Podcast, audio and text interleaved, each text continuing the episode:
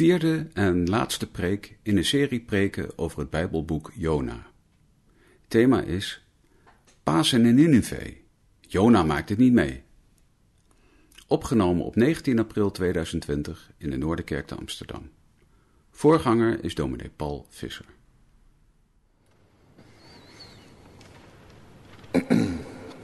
Vanochtend is Jona 4 aan de beurt. En even denk je, ja, wat moet je daar nou mee op uh, de zondag na het Pasen? Maar goed, ik had het zelf niet zomaar bedacht en toch op de een of andere, op de een of andere manier klopt het dan ook weer. Vandaar dat het thema vanochtend is Pasen in, in Nineveh. Maar Jona maakt het even niet mee. Dat is het thema voor deze ochtend. En we lezen uit Jona. Het vierde hoofdstuk. En daarna nog een stukje uit Lucas 11. En ik lees eerst even het slot van het derde hoofdstuk, want dat hangt heel nauw samen met elkaar. Het is natuurlijk één verhaal, dat begrijpt u. Terwijl heel Nineveh komt tot radicale ommekeer. Vanuit de gedachte, wie weet, God zal zich omkeren, God zal zich wenden. Dan lezen we in het tiende vers, toen zag God wat ze deden, dat zij zich bekeerden van hun slechte weg. En God kreeg berouw over het kwaad, dat hij gezegd had hun te zullen aandoen. En hij deed het niet. Dit was volstrekt kwalijk in de ogen van Jona. En hij ontstak in woede. Hij bad tot de Heer en zei, Och Heere, waren dit mijn woorden niet, toen ik nog in mijn eigen land was? Daarom ben ik het voor geweest, door naar Tarsis te vluchten. Want ik wist dat u een genadig en barmhartig God bent, geduldig en rijk aan goede tierenheid, die berouw heeft over het kwaad.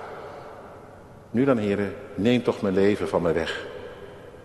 Het is immers voor mij beter te sterven dan te leven. Maar de Heere zei, ben jij terecht in woede ontstoken? Toen verliet Jona de stad en ging ergens ten oosten van de stad zitten.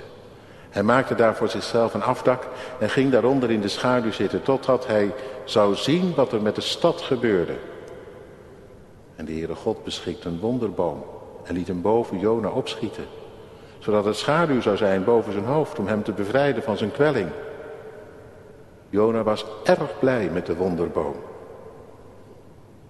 De volgende dag beschikte God bij het aanbreken van de dageraad een worm die de wonderboom stak, zodat hij verdorde.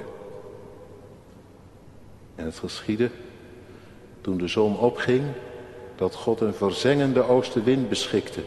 En de zon stak op het hoofd van Jona zodat hij geheel uitgeput raakte. Hij verlangde naar te sterven en zei toen, het is voor mij beter te sterven dan te leven. Maar God zei tegen Jona, ben je terecht in woede ontstoken over die wonderboom? Hij zei, terecht ben ik in woede ontstoken tot de dood toe. Daarop zei de Heer, u ontziet die wonderboom. U wil die wonderboom redden kun je ook vertalen. Of je hebt verdriet over die wonderboom. Het zit er allemaal in. Waarvoor je niet gezwoegd hebt, die je niet hebt laten groeien, die in één nacht ontstond en in één nacht verging. Zou ik dan die grote stad Nineveh niet ontzien? Waarin meer dan 120.000 mensen zijn die het verschil tussen hun rechter en hun linkerhand niet weten. En daarbij veel vee.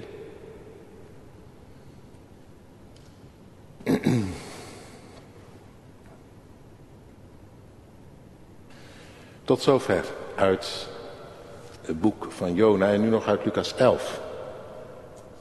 Waar uh, door Jezus wordt teruggegrepen op dat gebeurde van toen. En het gebeurt op een apart moment, hoor maar. We lezen vanaf vers, vanaf vers 27. Het gebeurde toen hij deze dingen sprak dat een vrouw uit de menigte haar stem verhief en tegen hem zei, zalig is de schoot die u gedragen heeft en zijn de borsten waaraan u gezogen hebt. Maar hij zei, vele eer zijn zij zalig, die het woord van God horen en het bewaren. Toen de menige te hoop liep, begon hij te zeggen, dit geslacht is een verdorven geslacht. Het verlangt een teken, maar het zal geen teken worden gegeven dan het teken van de profeet Jona.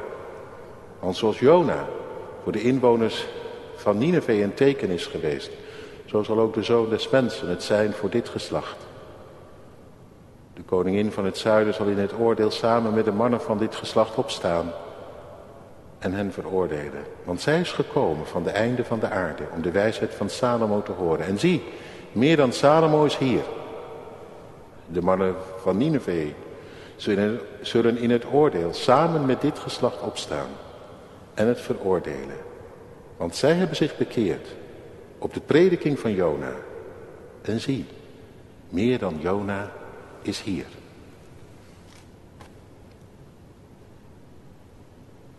Gemeente van Christus, eh, eh, broeders en zusters, op welke plek je ook maar zit, thuis, in een verpleeghuis, misschien wel in een ziekenhuis.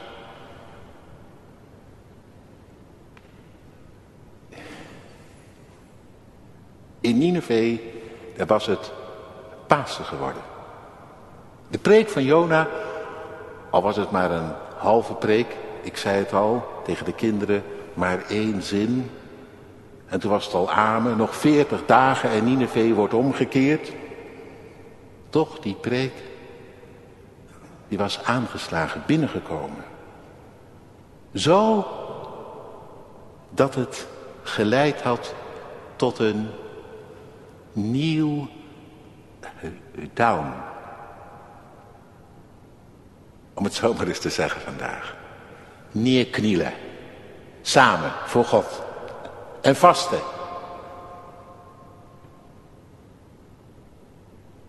En, en toen klonk er vanuit die hele stad een roep. Moet je je voorstellen. Gebeden in alle huizen. Geschreeuwd, gezucht. Maar ook, ook de dieren, het staat erbij. De koning had het gezegd. Ook de dieren zullen vasten. Niet het gewone voedsel is nu beschikbaar. Nee. Alles roept. Moet je indenken. Die roepende mensen en daarbij de blatende schapen, de mekkerende geiten, loeiende eh, eh, koeien, blaffende honden.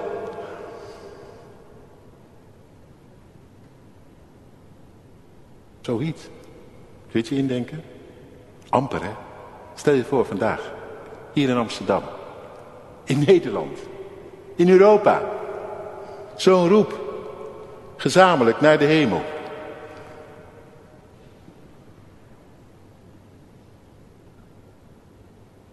En het was niet bij die roep alleen gebleven, toen en daar in Nineveh. Want dan had die Jona zich er met een, met een jantje van lijden van afgemaakt. En alleen maar gezegd, nog veertig dagen en Nineveh wordt omgekeerd. Zonder te reppen van ruimte voor verandering en bekering. De koning had het er wel in gehoord. In die drie woorden. Nog veertig dagen. Er was dus ruimte. Rek.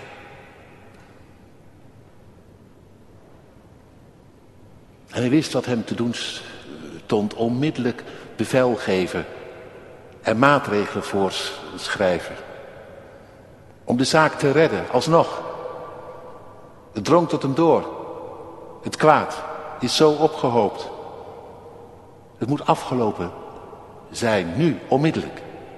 Een lockdown van het kwaad, zo gezegd.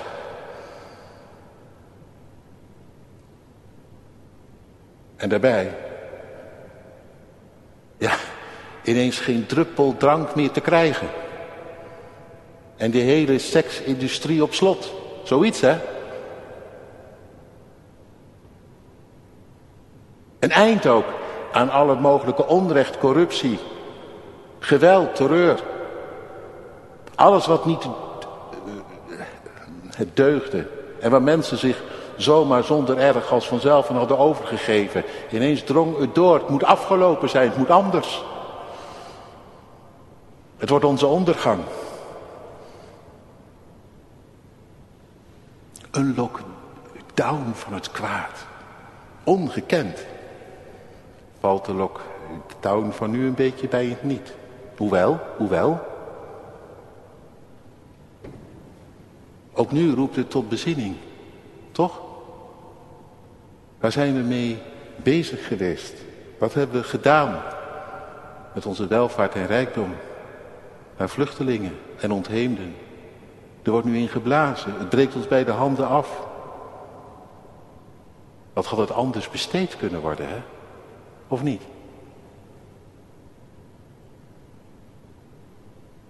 Nou ja, het kan zomaar op allerlei manieren te denken geven. Dat klimaat. Hoe ver hebben we het al kapot gemaakt? Ineens, het lijkt alsof de natuur opademt. Nu wij niet zo uit de voeten kunnen als daarvoor. Nou ja, genoeg. Genoeg wat ook nu vandaag te denken geeft. De lockdown gaat toch net ietsje verder dan dat je alleen maar met elkaar opgesloten zit in huis, of niet?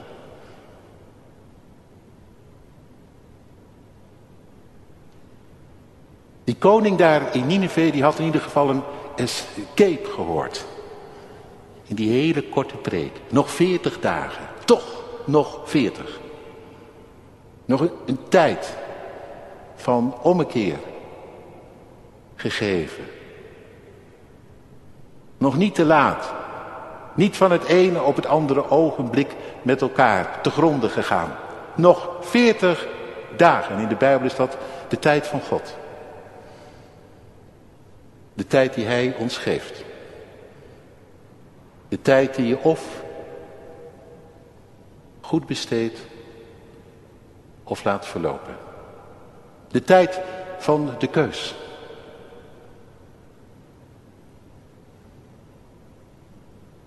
Voor de dood of voor het leven.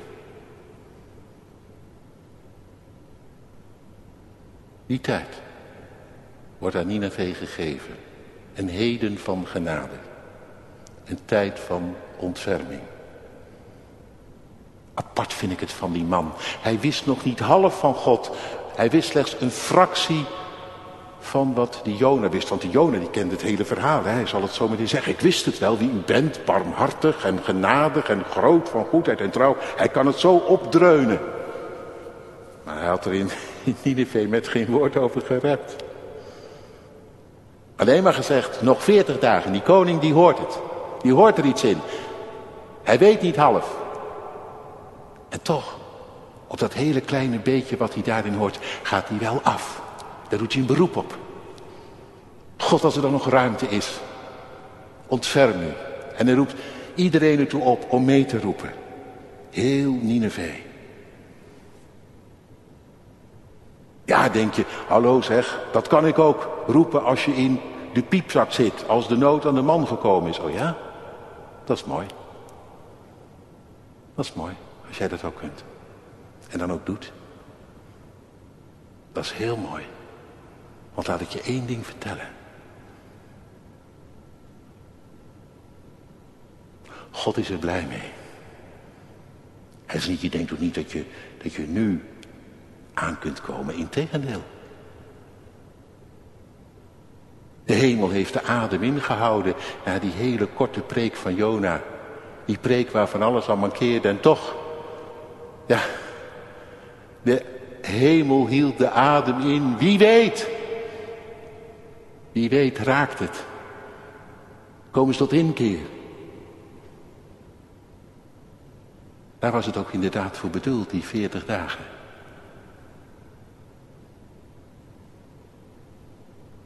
En God is, zo heb ik al eens eerder gezegd, met, naar een woord van Louis, niet te trots hoor. Al kom je uiteindelijk na heel lang met hangende pootjes bij hem terug. Om zich dan te ontfermen over jou. De hemel houdt de adem in. Ook nu vandaag. En je merkt het hier. hoe blij God ermee is. Als het ervan komt. Zelfs al gebeurt het pas dat hij in de piepzak zit en de nood aan de man of aan de vrouw is. Want toen God zag wat ze deden, staat er, en dat zij zich bekeerden van hun slechte weg, toen kreeg hij berouw over het kwade, wat hij gezegd had hun te zullen doen en hij deed het niet. Zij hadden gedacht, wie weet, God mocht zich wenden, dat hij zich alsnog omkeert. En ja, met dat ze een beroep op hem deden, keert het om bij God. En zo was gezegd door de profeten. Door Jeremia, 18e hoofdstuk, je kunt het nalezen. Als ik het oordeel uitgesproken heb over een volk en het bekeert zich, dan keer ik ook om, zegt God. Echt. Kun je op rekenen, kun je op wachten. En zo ben ik niet alleen voor Israël, maar net zo goed voor die mensen toen en daar in Nineveh. Wie het ook is. Mooi hè? Ze kregen maar een halve, halve preek, die mensen daar. Maar wat een impact. Wat een uitwerking. Inkeer, ommekeer, opgeven van het kwaad. Op alle onrecht een lockdown. Een nieuw begin in het licht van Gods genade. Dat. Nou ja, dat is toch volop Pasen. Leven van Gods genadig omzien. En dat hij zegt, al heb je het helemaal verdorven. Voor jouw genade en vrede.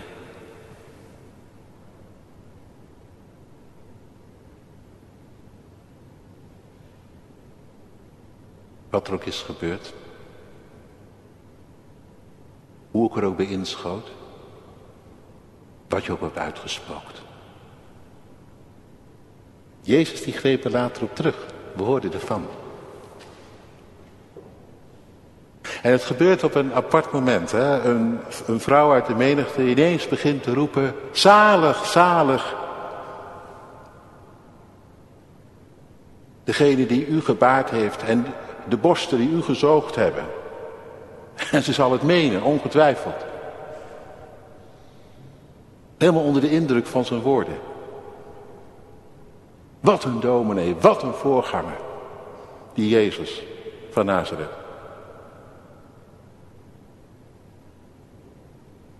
Zalig als je zijn moeder was.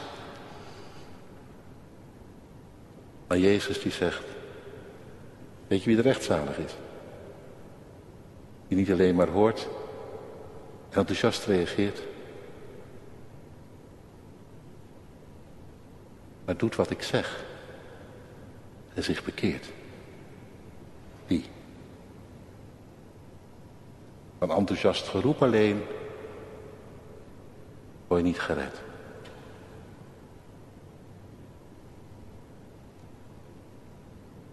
En dan gaat hij door. Dan zegt hij, de koningin uit het zuiden, de koningin van Sheba. Ze hoorde de woorden van, van Salomo. Ze heeft zich bekeerd. En meer dan Salomo is hier, staat voor jullie. En de mensen in Nineveh zullen met jullie opstaan in het oordeel. Ze hebben zich bekeerd op die magere, halve, dunne preek van Jona. Dat hel- en verdoemenisverhaal. Waar je eigenlijk amper evangelie in kon horen. En toch, waar ze op afgingen. Door omgingen. Meer dan Jona is hier.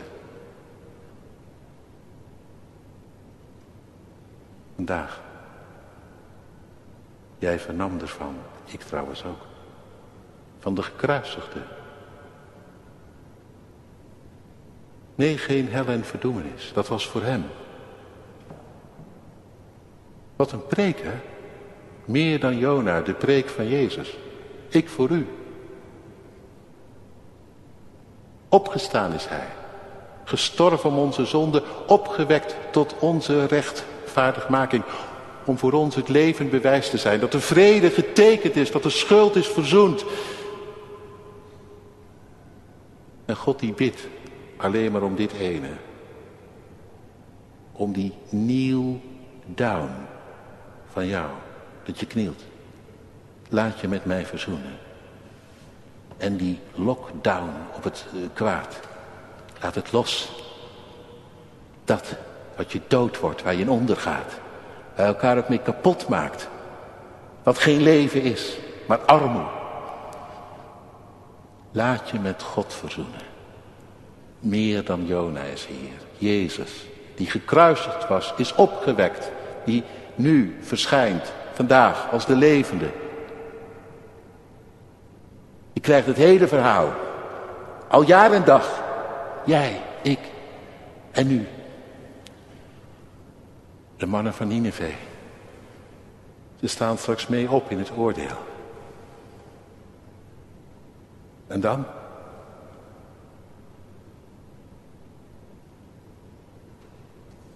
Tegen die mensen toen in Capernaum werd gezegd. Zij, zij zullen jullie oordelen. Jullie, die hen altijd veroordeeld hebben.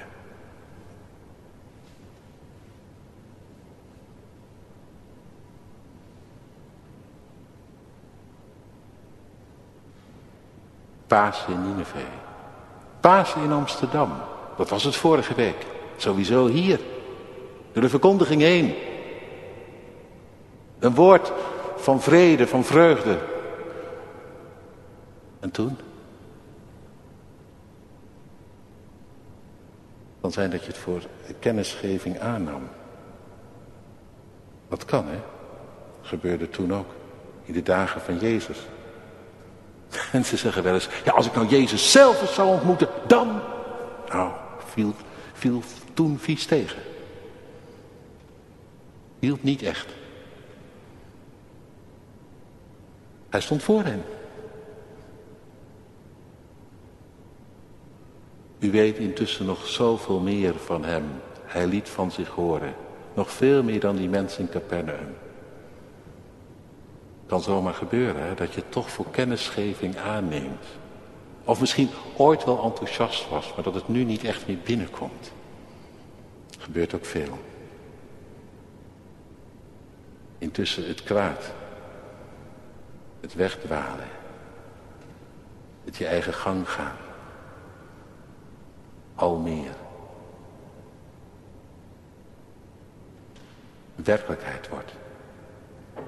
In plaats van het blijven in zijn liefde en het volgen van Jezus. Je kunt zomaar losraken, hè?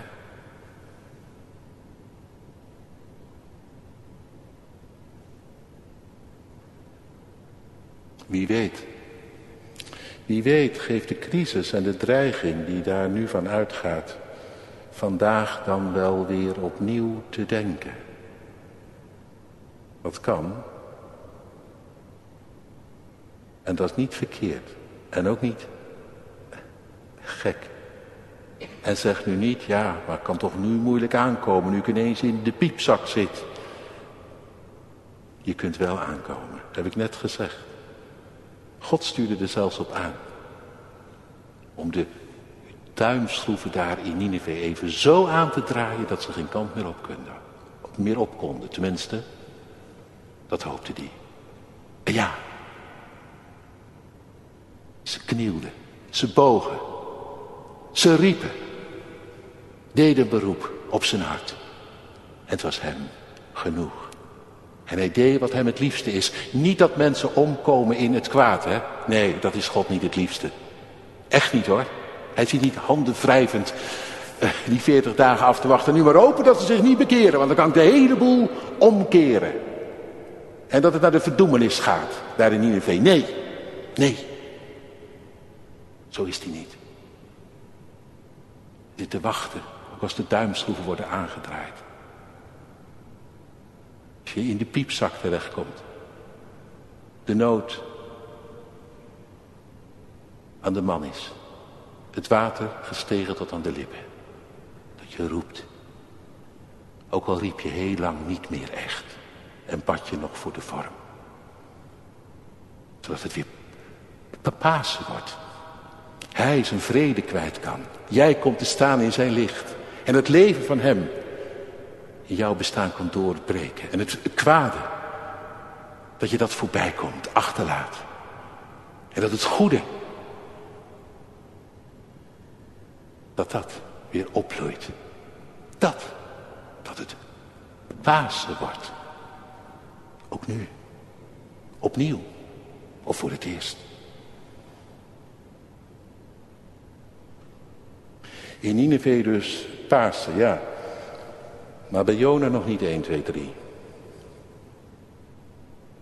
Want toen Jona het zag, zo staat er. Toen nam die dat God zeer kwalijk. Staat er, hè? Het was volstrekt kwalijk in de ogen van Jona. Hij ontstak in woede.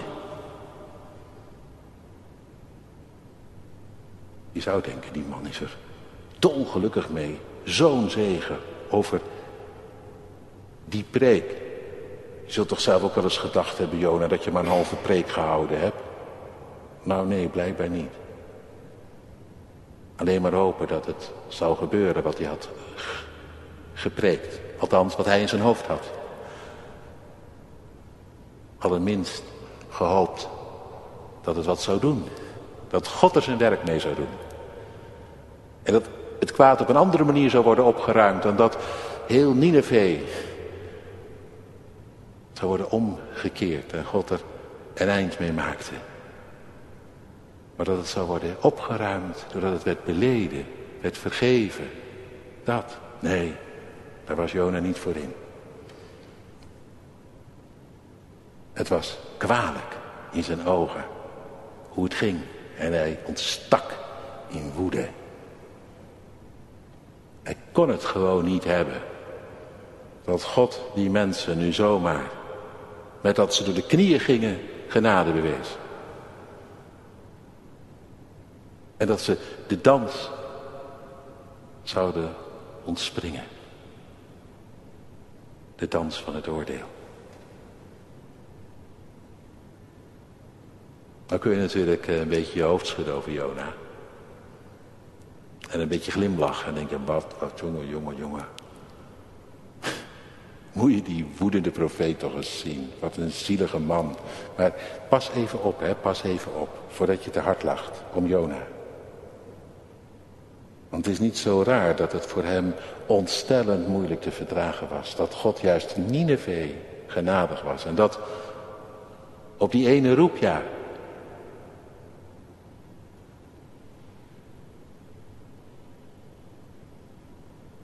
Ik denk, nu, 75 jaar geleden is het bijna, maar dat ontstellende wat er in Europa is gebeurd. Al die Joden die zijn, zijn afgevoerd, afgeslacht, vermoord, vergast. En ook al lang daarvoor in Europa en in Rusland. Zoveel leed. Het christelijke Europa. Tuurlijk waren het geen christenen die het deden, de nazi's, maar toch, daar gebeurde het. En als vandaag dan de christenen naar Israël gaan en beginnen over vergeving en dat God zo goed is voor hen in Jezus, kun je je voorstellen dat als je, als je eigen familie voor het grootste deel of helemaal is omgekomen, vermoord, vergast, verraden, en afgevoerd. Dat je daar dan niet gelijk happy van wordt, van die boodschap. Van jou, dat jij je zo vergeven voelt. En dat God zo goed en genadig is.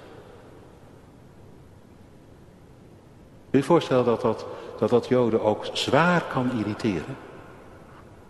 Dat gepraat en dat gejubel en dat gejuich en dat gezing van christenen in Israël. Ik kan me dat wel een beetje indenken. En als je in hun schoenen gaat staan, zou je het ook een beetje kunnen begrijpen. Of niet? Niet te hard lachen om Jona. Trouwens, komt nog veel dichterbij, hè? Iemand zal je maar een heleboel kwaad hebben bezorgd. En veel leed hebben aangedaan. Daar zijn voorbeelden te over. Daar ga ik nu niet over uitweiden. Als het je aangaat, dan weet je het. En als zo iemand dan ineens begint over genade die hem of haar bewezen is. Of aan het avondmaal de lof zit te zingen op Gods liefde. Hoe voelt dat? Hoe voelt dat? Dat kan toch zomaar niet te verdragen, niet te verteren zijn. Zelfs al mag jij van diezelfde genade leven. Denk nog maar even aan dat voorbeeld voor de kinderen. Voor dat ontstellende, irritante, vervelende buurjongetje. Hetzelfde cadeau als wat jij krijgt. Dat, dat, dat. Ik, ik, ik snap het wel hoor van Jona. Want ze hadden geleden tot en met hè, onder die mensen van Nineveh, die Assyriërs. Hele families afgeslacht, afgevoerd. Later. Wat een verdriet. Ja. Dus dat Jona het zomaar even niet meemaakt nu. Wie zou het wel meemaken? En toch. Jona die kan zeggen, ik ben er klaar mee, het hoeft voor mij niet meer. Liever dood dan zoiets te moeten aanzien. God komt voorbij in zijn boosheid. Vind ik mooi. God zegt niet, ja Jona, of het jou nou zint of niet. Je hebt het maar te nemen zoals ik het doe. Nee, ook voor Jona is hij zeer geduldig. Heel genadig. Echt een Abba, vind je niet? Komt hij voorbij. Snoert je niet de mond. Stelt je alleen een vraag. Jona, is het nou echt terecht dat jij zo boos bent, zo woedend op mij? Op wat ik doe? Klopt dat? Ik vind dat mooi van God. Als je hem niet snapt, niet volgt, woest bent, boos. Dan mag het eruit komen wat hem betreft. Dan legt hij niet het zwijgen op. Want hij weet als geen ander dat dat, dat het beste is. Niet dat het wordt ingeslikt, want dan zie ik het door. Als betonrot en houtwurm.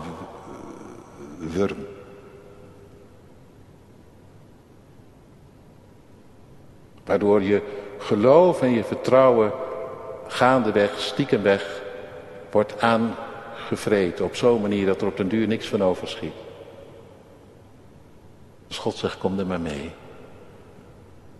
Tenminste, ja, Jona komt er gewoon mee. En, en God zegt niet, hè, wat zeg jij daar? Nee. Een vraag. Is het terecht? Is het, is het juist, Jona, dat jij zo boos bent over mijn goedheid?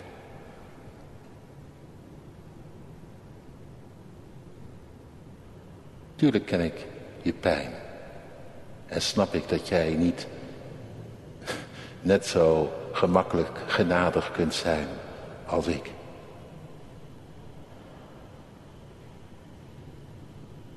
Maar jij weet toch ook wel wie je zelf bent of niet? Nou ja, dat zegt God niet eens. Hij krijgt alleen een vraag, mag hij zelf over nadenken? Blijf even stil. Jona mag zelf het antwoord gaan bedenken. Je zou denken, ja, dan komt het toch gaandeweg wel bij hem omhoog, wat hem zelf is overkomen. Zo dwars als het maar zijn kon, terwijl die nota bene gekend, geliefd was door God, een profeet. Bovendien. Door hem ingezet om tot zegen te zijn. Maar Jona vluchtte de andere kant op, dacht, God, dit niet, u kunt het bekijken. luchtte de dood in. Helemaal weg. Van het aangezicht des Heren staat. Om nooit meer terug te keren. Toen hij in die buik terechtgekomen van die vis. In de piepzak, tot en met, hè. Ten dode gedoemd. En hij had geroepen, geschreeuwd, op zijn laatste adem. En God had omgezien. Gered. Nota bene. Toen die pas tot één keer kwam in die buik. Toen die geen kant meer uit kon. Dood zou gaan. En toen pas riep. Maar het was als muziek in Gods oren. Jona roept. En hij werd gered. Jona, klopt het dat je nu zegt ik mag liever dood zijn dan leven? Is het terecht, Jona?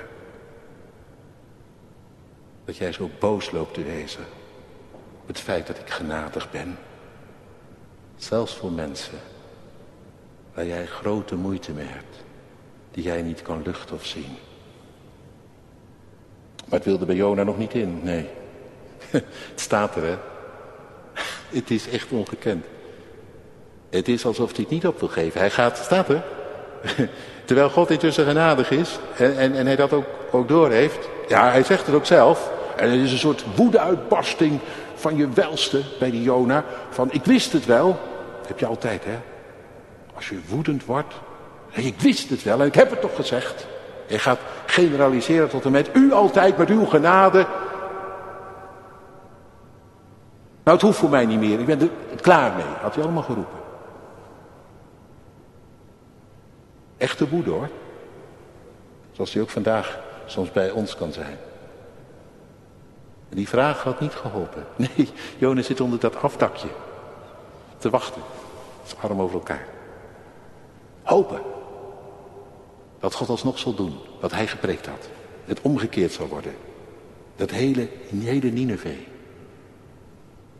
Een nukkig kind. Zo dwars als wat. weet je wat God dan doet? Nou, wat jij ook wel eens doet. Bij jouw kind. Even afleiden met een voorbeeld. Om zo dan de les te leren. Een wonderboom schiet op. Heerlijk, Jona blij tot en met. Jongen, wat goed. God, u bent er toch bij, erin. Bij mij, voor mij. Ineens dat gevoel. Gezien. Zo'n zegen. En dan de volgende dag verdort de boom. Nou ja, toen was je er echt helemaal klaar mee. Nineveh gered. En die boom voor, boven zijn hoofd, die een beetje schaduw gaf, waar hij zo blij mee was, die dood. Nou, dan hij ook dood.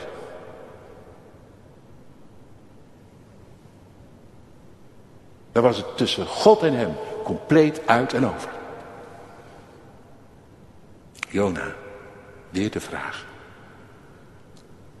Ben jij terecht boos? Zo woedend. Klopt het? Hoe combineer jij dat? Zelf gered? Terwijl de hele wereld om je heen dood mag gaan? Verloren mag, mag wezen? Maar nu, nee, nu gaat het niet eens over je ziel, het gaat over een boompje. Dat wil jij redden? Dat had jij gered willen zien? En ik zou Nineveh, die grote stad, van jou niet mogen redden? Mensen uit mijn hand, waar ik hart voor heb, hoe kwaad, hoeveel kwaad ze ook hebben gedaan, die ik de ruimte gaf om zich alsnog te bekeren, te roepen. Opdat ze niet in hun kwaad zouden ondergaan, maar het hen zou worden vergeven en ze het op die manier voorbij zouden komen.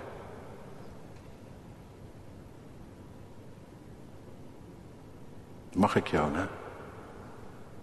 Maar het blijft een vraag. Voor Jona moet heel duidelijk zijn. God zit er anders in dan hij. Ja. God? God wil liever niet dat wij de wereld, Nineveh, wat het ook is, Sodom, Gomorra, Amsterdam, u, ik, in ons kwaad en ondergaan. Hij wil het op een andere manier gered hebben, opgelost, opgeruimd. dat we op de knieën gaan en dat hij het wegdoet. Al zo lief had God de wereld, opdat je niet verloren gaat, maar behouden zou wezen. Ik zit er anders in dan jij, Jona. Maar ik wil dat jij er zo in komt te zitten als ik.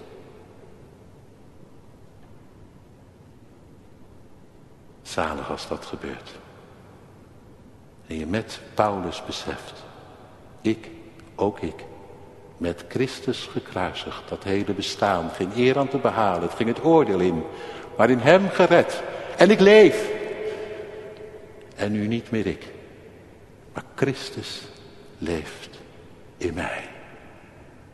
Dan kom je er net zo in te staan als hij. En dat heet Pasen. Amen.